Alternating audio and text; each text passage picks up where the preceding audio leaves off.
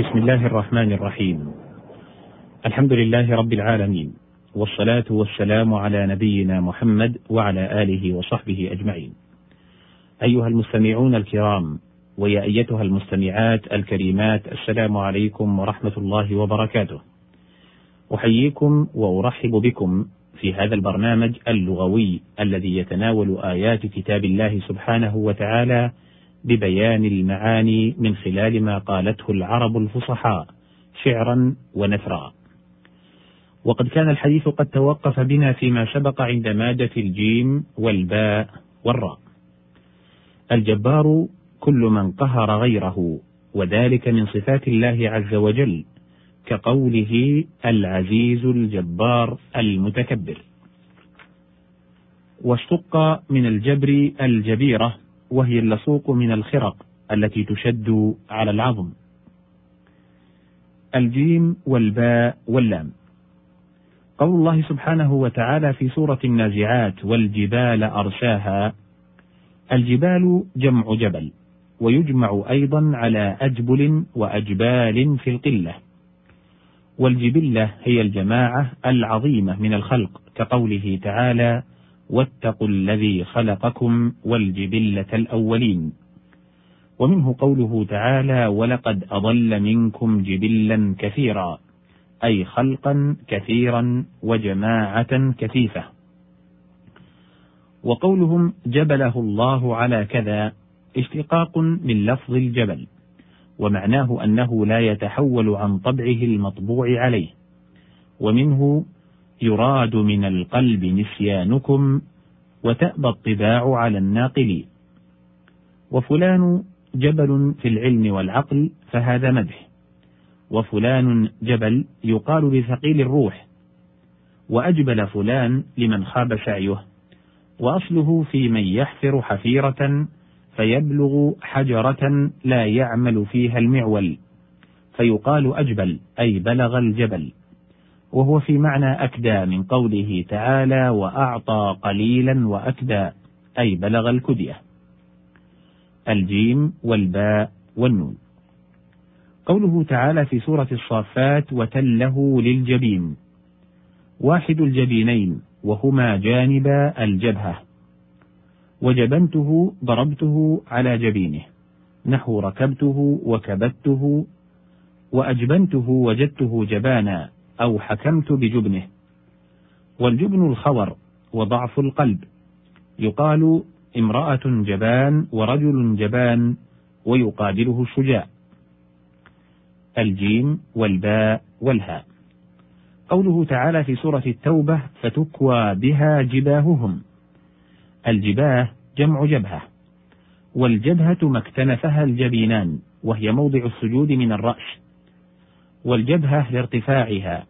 ولأنها أعز الأعضاء عبر بها عن السادات في قولهم هم جبهة قومهم. كقولك هم وجوه الناس. وجبهت فلانا أخجلته كأنك أظهرت الخجل في وجهه وجبهته. أو عبر بالجبهة عن الوجه لأنها أعز ما فيه.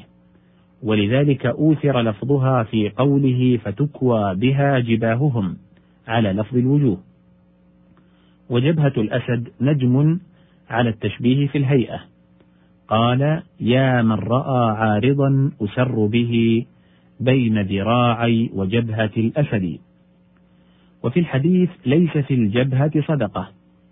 فقال أبو عبيد الجبهة الخيل. وقال أبو سعيد هم سروات الناس يسعون في تحمل الحمالة فيعطون الإبل لأن أحدا لا يردهم. فإذا وجدهم الساعي فلا يأخذ منهم صدقة. الجيم والباء والياء. الاجتباء الاصطفاء. من جبيت الماء في الحوض إذا جمعته مختارا له. ومنه قوله تعالى في سورة طه ثم اجتباه ربه. فاجتباء الله عبده هو تخصيصه بفيض إلهي. تتجمع له أنواع من النعم. وذلك كتخصيصه أنبياءه مرسليهم وغير مرسليهم وبعض أوليائه من الصديقين والشهداء. وفي معناه إنا أخلصناهم بخالصة ذكر الدار. وقوله تعالى في سورة الأعراف لولا اجتبيتها أي اخترتها. وهذا تعريض منهم بأنك تختلق ما تأتي به. فأنت إذا شئت شيئا أتيت به من قبل نفسك. وقد كذبوا. أفلا يتدبرون القرآن أم على قلوب أقفالها؟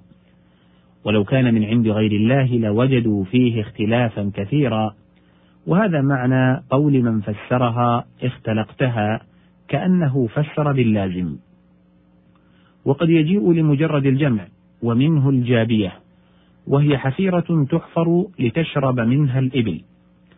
وقوله تعالى في سورة سبأ وجفان كالجواب هي جمع جابية يصفها بالعظم والجواب الحياض لأنها تجبي إليها المياه وجيء بها على صيغة اسم الفاعل كأنها هي التي تجبي الماء لنفسها أو ذات جباية نحو عيشة راضية. ومنه أيضا جبيت الخراج أي جمعته ويقال جبوته أيضا وهو حسن الجبوة والجبية. وقوله تعالى في سورة القصص يجبى إليه ثمرات كل شيء أي تجلب وتجمع إليه. والجبى بالفتح والقصر شفى البئر. وفي الحديث قعد عليه الصلاة والسلام على جبل بئر. وبالكسر ما جمعته فيه من الماء. ومنه من أجبى فقد أربى. قال أبو عبيد الأجباء بيع الحرث بيع الحرث قبل أن يبدو صلاحه. وقال ابن الأعرابي أن يغيب إبله عن المصدق. يقال جبأ عني أي توارى وأجبأته واريته. ورجل جبأ هيوب للأمور. فعلى هذا أصله الهمج وفيه يجبون تجبية رجل واحد قياما لرب العالمين. وقيل التجبية أن ينكب على وجهه وقيل أن يضع يديه على ركبته وهو قائم قالها أبو عبيد والثاني أوفق لقوله قياما. وفيه بيت من لؤلؤة مجبأة أي مجوفة قيل أصلها مجوبة فقلبت وأعلت. الجيم والثاء والثاء. جثة الشيء شخصه الناتئ الظاهر. ومنه جثة الإنسان والجثة تقابل المعنى ومنه قول أهل العربية ظرف الزمان يخبر به عن المعاني ولا يخبر به عن الجثث والجث ما ارتفع من الأرض كالآكام والجثجاث نبت سمي بذلك لظهوره. والجثيثة لما بان جثه بعد طحنه. وقوله تعالى في سورة إبراهيم اجتثت من فوق الأرض أي قلعت وأصله اقتلعت جثتها. والمجثة ما تقلع به جثة الشيء. الجاء الجيم والثاء والميم.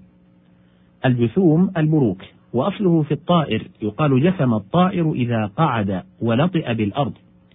وقيل الجثوم في الناش والطير بمنزلة البروك في الإبل. وجثمان الإنسان شخصه قاعدا ورجل جثمة وجثامة كناية عن النؤوم الكسلان. والمجثمة هي المصبورة أي دابة تربط وتجعل غرضا. فقوله تعالى في سورة الأعراف فأصبحوا في دارهم جاثمين أي باركين على ركبهم وقيل ملقا بعضهم فوق بعض. هنا ينتهي الحديث عن هذه المادة وبه تنتهي هذه الحلقة. إلى لقاء قريب بإذن الله. أشكر الزميل مهندس الصوت عادل المجيرن والسلام عليكم ورحمة الله وبركاته.